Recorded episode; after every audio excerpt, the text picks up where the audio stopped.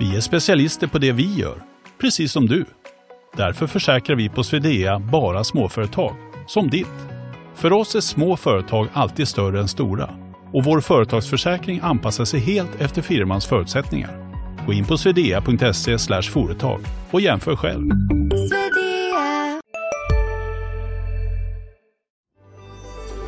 Turboladda din trading med IGs återbäring på Turbo24.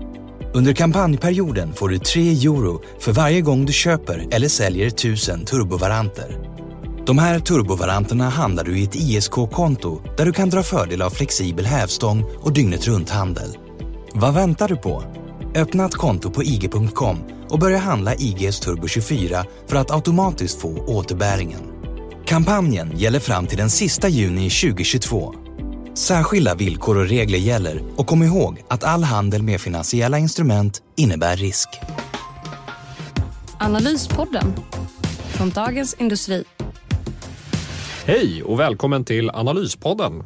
Bakom mikrofonen står jag, Johan Wendel, som är reporter och analytiker på DI och med mig har jag Agneta Jönsson, också analytiker på DI. Välkommen Agneta. Tack Johan. Och idag är det alltså fredagen den 25 mars och det, klockan är strax efter kvart över tio här på förmiddagen när vi spelar in. Så ni, vi, ni vet vad vi vet ungefär. Och eh, när vi spelar in det här så är ju eh, OMX30, det vill säga storbolagsindex på Stockholmsbörsen, ner med drygt 0,8 procent. Det är alltså tredje dagen på rad kanske som vi har en nedgång på nästan 1 procent konstaterade du här Agneta precis innan vi drog igång det här. Det stämmer bra. Vi hade ju en väldigt bra vecka förra veckan med en stark utveckling. I denna veckan var det väntat att det skulle vara lite avslaget och det har det varit så här långt. Det har hänt ganska mycket på marknaden denna veckan. Det startade ju med lite dramatik i USA i måndags när centralbankschefen Jeremy Powell var ute och snackade om att Fed faktiskt behöver agera skyndsamt, som han sa, i jakten på, eller kampen mot inflationen. Så det gjorde då att Eh, den tioåriga räntan steg till 2,34 procent på måndagen och det är den högsta nivån sedan maj 2019 och den ligger kvar där. Just nu är den 2,35. Men det som händer också är att de korta räntorna stiger ännu mer så att tvååriga obligationen ligger på 2,17.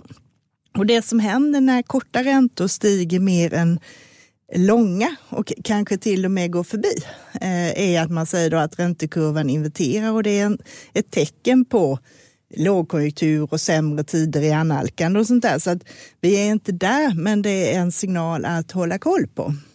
Ja men verkligen och eh, senaste inverteringen av räntekurvan hade vi väl inför eh, hade vi väl 2019, eller hur? Det stämmer.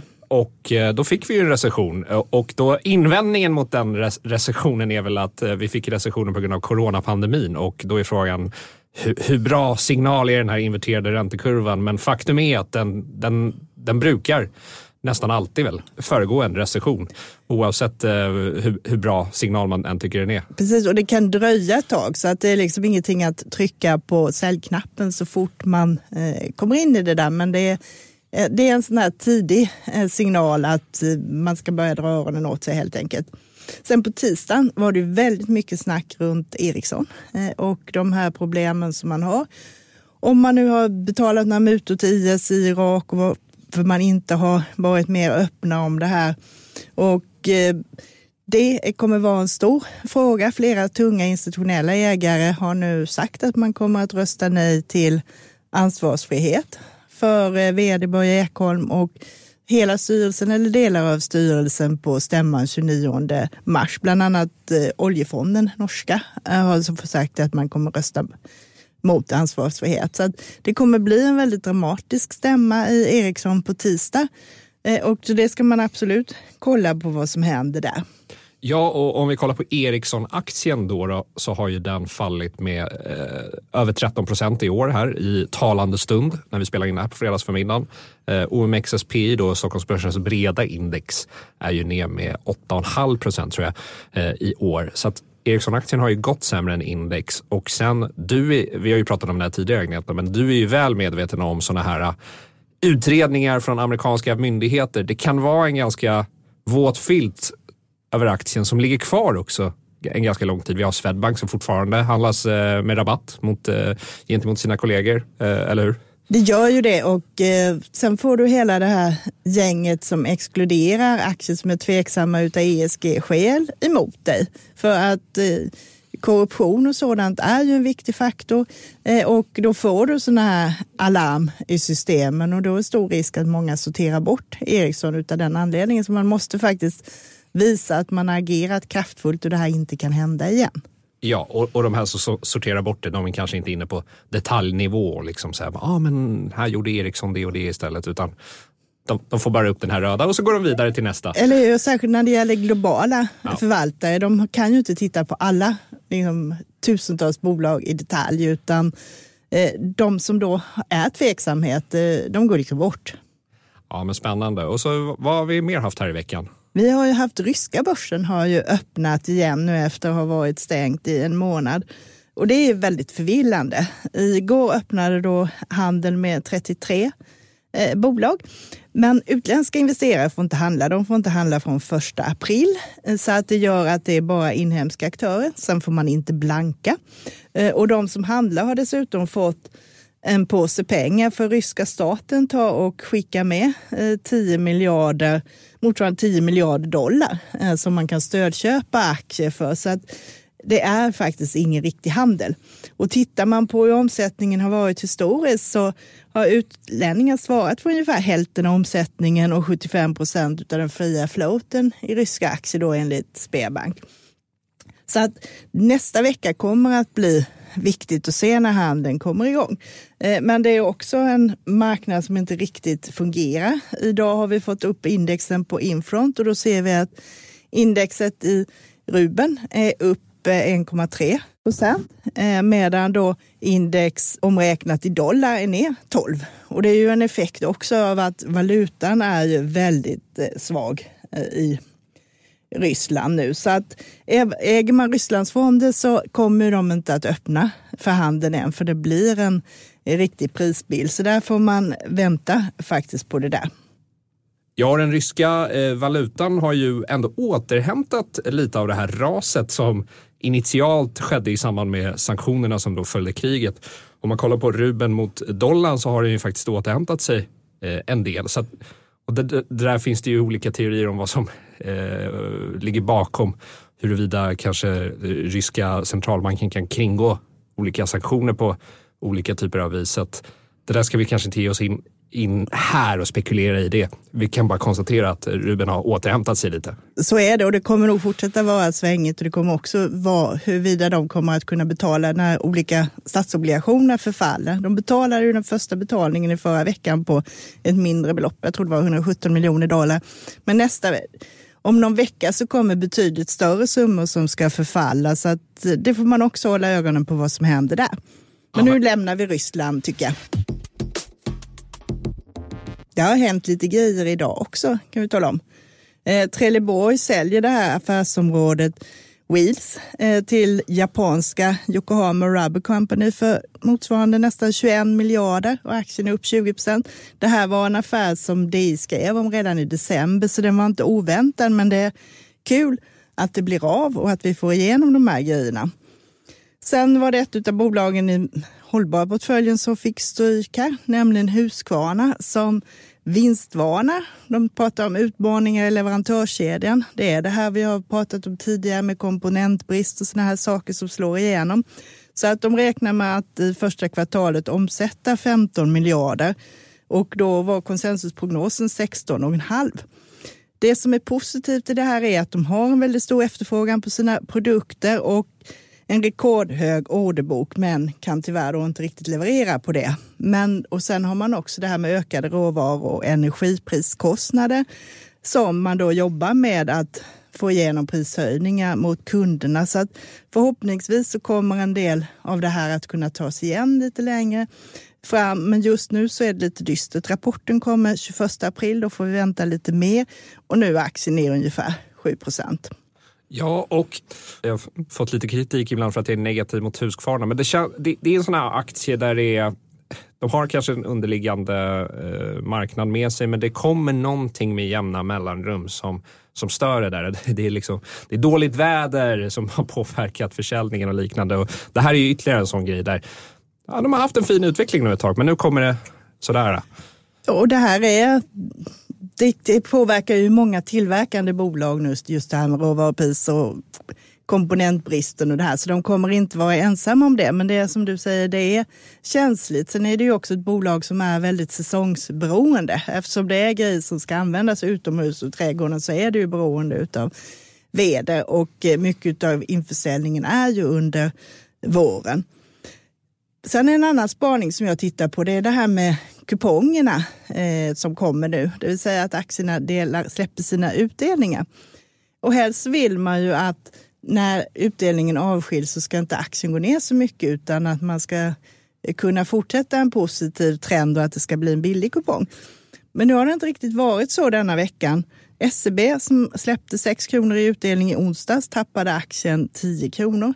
Handelsbanken släppte en femma igår och gick ner drygt 6. Vi har SKF idag med 7 kronor som är ner över 8.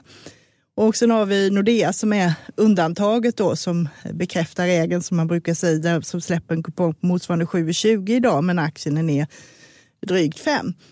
Men jag tycker man ska hålla ögonen på det här framöver för blir det lite surare börs så är det inte alls säkert att man tjänar igen de här tappen så att säga. Och Swedbank har vi en stor kupong på torsdag på 11,25. Så håll lite koll på vad som händer där. Och motsatsen är också att det kan ju gå att plocka upp aktier eh, billigare eh, när utdelningarna har släppts. En, en grej som jag tänkte på är att många av de här stämmorna är ju nu digitala. Innan har ju stämman varit mer så här folkfest, en massa människor kommer och käkar snittar och man också håller tal och det kommer fram lite positiva grejer. Även om det inte är kursdrivande information så får du en, ofta en positiv stämning. Men när du röstar digitalt och det kör en poströststämma, då tappar du hela den där biten. Ja, det är lite trist eh, kan jag tycka. Det är det, så vi hoppas att även det normaliseras framöver.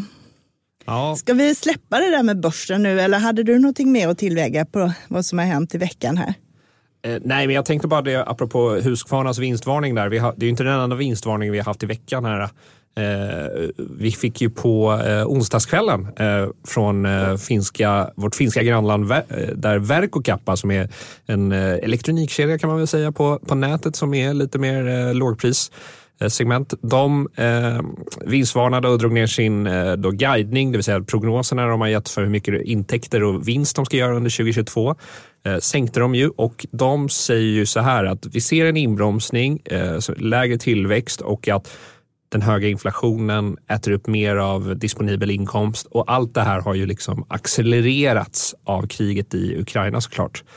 Och eh, det där är ju lite spännande för det där är ju någonstans en Ja, men det är lite bredare än, än eh, det signalerar någon sorts att det börjar, de här eh, stigande kostnaderna det börjar ge avtryck i eh, hushållens plånböcker. Att man har inte hur mycket pengar som helst att spendera på stigande priser. Hittills har det ju ändå jag tror att många bolag har kommit, eller nästan alla bolag har kommit undan med att höja priserna. Men nu kanske man börjar komma till en smärtgräns där. Eh, där, där det här eh, kanske tar stopp. Eh, så vi får se vad som händer där, även om du har något att tillägga där Agneta. Nej men visst är det så. Man måste titta på det framöver. Jag tror ju också att nu när vi kommer in i rapportperioden här under några veckor att det är fler bolag som har det motigt. Det kan komma fler vinstvarningar närmaste tiden också. Inte bara inom tillverkningsbolagen utan inom andra sektorer också. Och vad vi har ju sett det innan att prognoserna har ju inte riktigt justerats ner nu sedan vi hade den här ryska invasionen i Ukraina, utan de har ju legat kvar så att de här nedjusteringarna kommer ju i samband med rapporterna istället. Ja, spännande. Men eh, nu kanske vi ska gå vidare från det som har hänt i veckan här på börsen. Ja, vi brukar ju säga att vi brukar bjuda på åtminstone varsitt case eh, under de här poddarna, så det kanske kan vara dags för det. Verkligen, verkligen. Ska du börja där? Ja, jag tittade på ytterligare ett bolag som har lite så hållbara förtecken, nämligen fönster och dörrtillverkaren Inwido. Det är ett sånt där bolag som verkligen är en vinnare på det här med energieffektivisering. Eh, oavsett hur konjunkturen går så vill ju då EU att den här renoveringstakten ska dubblas de närmaste tio åren och då är ju dörrar och fönster väldigt viktiga Eh, komponenter. De ska helt enkelt bytas ut. Och Inwido har som eget mål att öka omsättningen. Hej, Ulf Kristersson här. På många sätt är det en mörk tid vi lever i. Men nu tar vi ett stort steg för att göra Sverige till en tryggare och säkrare plats. Sverige är nu medlem i Nato. En för alla, alla för en. Expressen gör varje vecka podden Politikrummet där vi djupdyker i det senaste och viktigaste inom svensk politik. Med mig, Filippa Rogvall, som programledare tillsammans med mina vassa kollegor. Och det är ju ni som heter Thomas Nordenskjöld, Anette Holmqvist och Viktor Bartkron. Politikrummet kommer med ett nytt avsnitt varje tisdag. Vi hörs.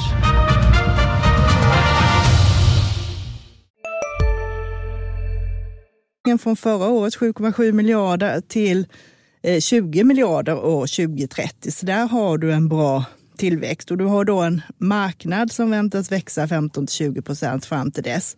Och sedan då eh, lite förvärv på det, en mix av organisk tillväxt och förvärv gör att det ser ganska bra ut. De har också varit duktiga på det och har gjort ett 50-tal förvärv senaste 20 åren om vi tittar bakåt. Så att det finns lite mer att göra där. Det är en sån här Eh, fragmenterad marknad. Så även om Inwido inte är något jättebolag så är de störst i Europa med en marknadsandel på 2% Så det visar ju att det finns många små företag att kunna köpa upp helt enkelt. De har också en bra pricing power. Man har klarat att kompensera för högre råvarukostnader så här långt, men det är klart att det blir en viss eftersläpning i det där också, så att vi får se hur det ser ut i, när rapporten kommer i första kvartalet. Men eh, värderingen har kommit ner lite. De handlas på 13 gånger årets förväntade vinst enligt Factset. Du har en direktavkastning på 4 procent, en utdelning på 6,15. Eh, och tittar du på, de har värderats förut på 15 eh, gånger vinsten så har du liksom, eh, skulle aktien kunna upp till 180 kronor utan problem. Så en uppsida på minst 15 procent, den har tappat 19 procent i år. Så att jag tycker den ser ganska intressant ut på de här nivåerna. Hur, eh, hur påverkar stigande räntor och en eventuellt lite avkyld bostadsmarknad ett sånt här bolag? Det påverkar ju naturligtvis en del, för det är ju mer än de här liksom eh, stora fastighetsrenoveringarna som påverkar. Så nybyggnation, men även renovering av villor och sånt där påverkar. Men då även bland privatpersoner, så de här höga energipriserna som har varit nu gör ju också att man tittar mer på det här hur man kan då göra bättre. Och täta fönster är ju en grej som bidrar ganska mycket faktiskt till att hålla nere uppvärmningskostnader och sådant. Ja, men spännande, spännande. Ehm, du kanske också har ett bolag att bjuda på? ja, men verkligen. Eh, jag skrev ju i eh, då dagens tidning, det vill säga fredagstidningen, eh, om oljebolaget Enquest som kanske är ett bolag vi inte skriver så där våldsamt mycket om i vanliga fall får vi ändå erkänna och det kanske inte är så konstigt. Ett brittiskt, brittiskt bolag, market cap nu, nu är ungefär strax över 7 miljarder kronor så det är inte ett jättestort bolag men Aktien är då noterad både i London och här i Stockholm och eh, som sagt ett oljebolag och idén som de har är att köpa upp lite äldre fält eh, och, och mjölka ur dem helt enkelt. Och om man tittar på den här aktien då, så är det klart att den har gått väldigt bra, i, i, precis som oljan. Eh, de brukar korrelera ganska mycket. De där eh, IPC, eller förlåt, Inquest är upp eh, över 60 procent i år och de har ju haft en en strålande utveckling helt enkelt, likt oljan. Och eh, om man kollar, de släppte ju då sin eh, helårsrapport här för 2021 i går, det vill säga torsdags. Och eh, en del var ju känt på förhand för att eh, de publicerade i början av februari så publicerade de en eh, operations update. Så att, men i alla fall, de genererar ju ett eh, fritt kassaflöde på nästan 400 miljoner dollar i år. Eller i år, i fjol heter det. Och eh, som sagt, deras börsvärde är strax över 7 miljarder kronor. Så att det är mycket pengar som sprutar in nu i det här bolaget. Och kikar man lite på vad de har guidat för för 2022 då, då så har de ju eh, hedgat då eh, drygt 8,6 miljoner olje, fat oljeekvivalenter som det heter. Eh, och eh, de kommer ju producera någonstans mellan 16 och 18 miljoner fat i år. Och, och då, hedgningen ligger mellan Uh, nu ska vi se, drygt 63 dollar tror jag och 78 dollar i, i det spannet liksom, med, som golv och tak. Kort sagt så är det här liksom en aktie som de har, eh, bolaget har aldrig någonsin delat ut pengar. Uh, de har inte en bra historik där, så det är ett bolag som, vars aktie korrelerar väldigt mycket med oljan helt enkelt. Men tror man att oljan kanske inte ska dippa särskilt mycket utan den kommer ligga kvar här närmsta året, närmsta, närmsta två åren. Och det kanske den kommer göra på grund av underinvesteringar i liksom väst som vi har i den här sektorn, i olje och gassektorn. Det är väl ingen som vill ta i dem med tång eh, som gör att det är för dåligt utbud av eh, olja och gas. Så då tror jag att den här aktien kan vara intressant. Men som sagt, det är ju väldigt avhängigt av oljepriset och det som vi alla har blivit eh, varse om de senaste åren är att även den mest självsäkra prognosmakare måste ju ha blivit ödmjuk när det gäller oljan. Den var ju nere under 20 dollar. Det var vissa terminskontrakt för olja som gick till negativt pris i samband med coronavåren. Sen dess har ju priset rusat och speciellt nu har ju fått raketbränsle i spåren av kriget i Ukraina. Så det är volatilt. Det det är volatilt, men det är, du kan köpa NKS som en liten hedge eh, mot, mot höga energipriser. Precis, och sen så finns det såklart en risk med, som vi pratade om innan här, med inverterade räntekurvor och recession. En recession såklart är ju inte bra för oljepriset, så det är ju såklart en risk. Det finns ju en, olje, ett högt oljepris är kanske bra till en viss gräns. Sen börjar det dämpa konjunkturen och då blir det också dåligt för oljepriset såklart. Så att, det är lite spekulativt det här, eh, men det är lite spännande aktie att kika på. Och man, kanske är lite, man är ju lite sent ute här nu, men jag tyckte ändå det var kul att lyfta upp det nu när de kom med eh, årsrapporten här. Och de har också kommit in lite i värmen. Oljebolagen har ju varit väldigt ute i kylan utav ESG-skäl också. Så att det är ju först nu när vi har fått de här stora prisrusningarna aktieägarna har fått upp ögonen på dem igen. Ja men precis. Eh, det är det som också kanske är, de här bolagen eh, eller aktierna är ju väldigt lågt värderade. Och eh, det är ju dels för att oljan är kanske slut som artist eh, på lång sikt såklart. Eh, men sen så är det som du säger att det är många bolag som har valt att helt sälja de här aktierna av ESG-skäl. Och det man kanske börjar inse är att okej, okay, om vi säljer, om vi, om vi inte ska ha några västerländska oljebolag och gasbolag, då blir vi helt utlämnade mot eh, till eh, bolag som kommer från eh, mer tveksamma länder kanske, där regimen har, har en, är annorlunda än här i Sverige. Så att och det är ju en annan sorts risk. Så det är kanske det man börjar inse här. Det kanske sker ett skifte här. Vi håller helt enkelt koll på en quest här. Absolut. Sen har vi ett annat case. Vår kollega Ulf Pettersson skrev ju veckans aktie denna veckan och det var byggbolaget NCC som vi faktiskt pratade om i den här podden för ett par veckor sedan. Det är en aktie som har haft en trist utveckling i flera år. Vd Thomas Karlsson kom in 2018 och har städat ut flera av de här stora olönsamma projekten bolagen har. Så att om man tror på det här målet som vi har om en vinst per aktie på 16 kronor nästa år, då 2023, så är det ett P tal på 9. Eh, och det är, det är faktiskt väldigt billigt. Det är ett bolag som har hälften av sitt byggande i Sverige. De jobbar i övriga Norden också. Och man har inom flera områden, det är fastighetsutveckling, det är industri, det är infrastrukturprojekt och sådana grejer. Så det är också så här, får vi dålig konjunktur, det är klart det påverkar dem också. Men de har haft en bra orderingång senaste åren som borde rulla in. Det projektet går ju inte in handbäddning och färdigställa de här om man säger så. Och då orderingången är upp 9 procent senaste åren och man ser nu en god efterfrågan i alla fyra länderna. Så det, jag tycker det känns också som en sån här bra risk-reward eh, case. De har också en god utdelning, 6 kronor, vilket ger en direktavkastning på en 4,5 procent. Ja, men spännande. NCC, alltså, de har ju haft några tuffa år här, eh, får man ändå säga. Eh, så får vi se om det vänder. Spännande av Ulf Pettersson, vår kollega på DI här. Men ska vi blicka vidare mot nästa vecka kanske nu? Det gör vi. Måndagen kommer det inte hända något viktigt i alla fall, inte vad som är på agendan. Men tisdag har vi ju då Ericssons stämma som kommer att vad intressant vad som kommer ut från den. Och på onsdagen så har vi liksom lite makrodata. Det är KPI, alla håller ju koll på inflationen nu och då får vi preliminär data från Tyskland och Spanien bland annat. Och på torsdag så är det H&M som är huvudnumret. De kommer med sin rapport för, för sitt första kvartal, då december till februari.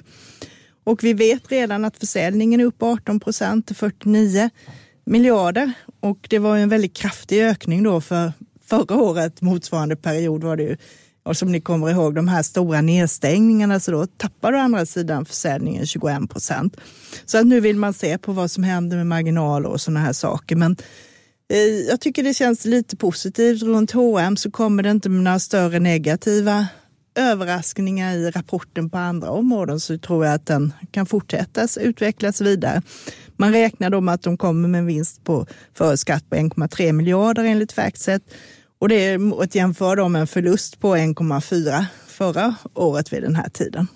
Ja, det är, det är ju framförallt som du är inne på där, det är ju rörelse och bruttomarginalen såklart som man, man kikar på där. Men om man kikar bara på lite hm konkurrenter så går ju inte, H&M har ju inte gått något vidare på börsen, men det har ju inte deras konkurrenter heller gjort. Om man tittar på Zalando så har ju de Eh, varit eh, katastrofala på börsen eh, under, en, under en längre tid här sen lite hög, högre värderade bolag hamnade ur favor.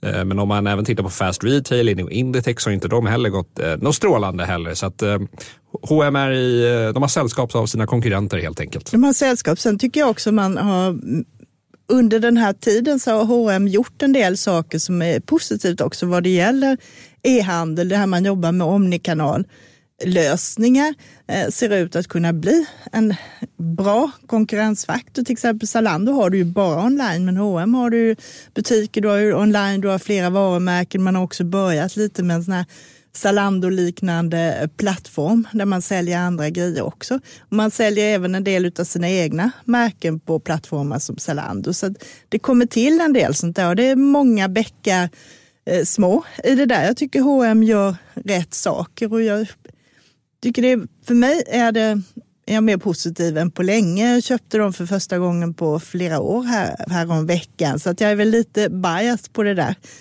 Ja. Sen har vi fredag nästa vecka. Då får vi de här inköpscheferna eh, för industrin kommer med sina eh, prognoser. Eh, det gör de alltid då första fredagen i i månaden, eller första vardagen i månaden tror jag faktiskt det är. Och eh, det kommer man ju hålla koll på. Det är ju data för mars och nu får vi ju med oss hela den här oroliga eh, perioden. Och samtidigt så kommer det då, som kommer första fredagen varje månad, när arbetsmarknadssiffrorna från USA, som också är viktiga, inte minst utav inflationsskäl. Förra månaden var timlönerna upp 5 procent på årsbasis och det kommer man ju titta mycket på vad som har hänt med dem där nu också. Precis, och de här arbetsmarknadssiffrorna, det här uh, jobbiga marknadslingot folk ska slänga sig med ibland, det är alltså non-farm payrolls, alltså jobb skapade utanför jordbrukssektorn. Uh, ibland ska det vara, låta lite mer komplicerat än vad det är. Jo, men det är de jobben som kan mätas och som man har väldigt lång tidsserie på också. Och man väntar sig att 32 500 nya jobb stod det idag. Och det där ändras ju under veckans gång för det är fler och fler som kommer med prognoser och sånt där. Och det är ungefär i linje med i februari, då var det 36 000 nya jobb. Ja, men spännande. Ja, och det har ju såklart stora eh, en, en betydelse ändå hur Fed kommer att agera här framöver. Bland annat det då, eh, såklart. Men eh, det var väl det för den här gången, eller hur? Ja, jag tycker vi stannar där. Och det man kan tillägga då som avslutning på det där är på Fed att nu räknar man faktiskt att de ska kunna höja sju gånger i år. Så att det är fortsatta höjningar och det är det som ligger i, i prisbilden nu som vi ska utgå ifrån.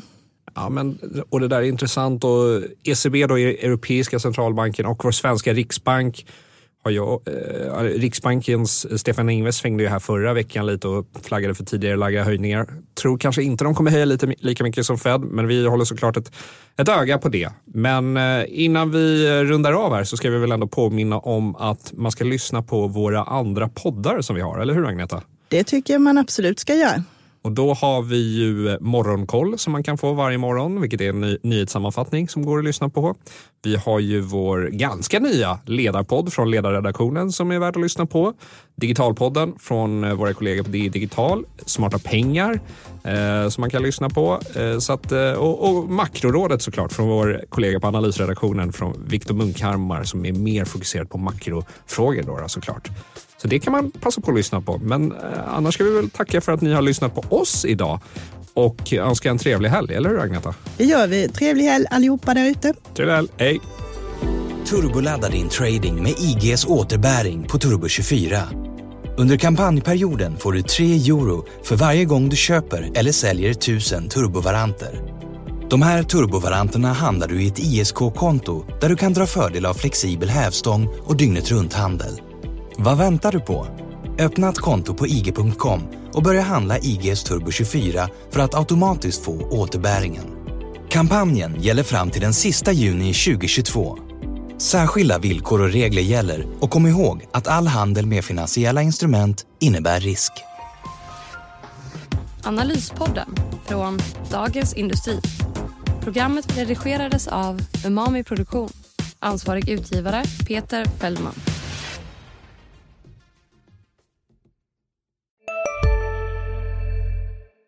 Hej, Synoptik här. Hos oss får du hjälp med att ta hand om din ögonhälsa. Med vår synundersökning kan vi upptäcka både synförändringar och tecken på vanliga ögonsjukdomar. Boka tid på synoptik.se. Hej, Susanne Axel här. När du gör som jag och listar dig på en av Krys vårdcentraler får du en fast läkarkontakt som kan din sjukdomshistoria. Du får träffa erfarna specialister, tillgång till lättakuten och så kan du chatta med vårdpersonalen. Så gör ditt viktigaste val idag, listar dig hos Kry.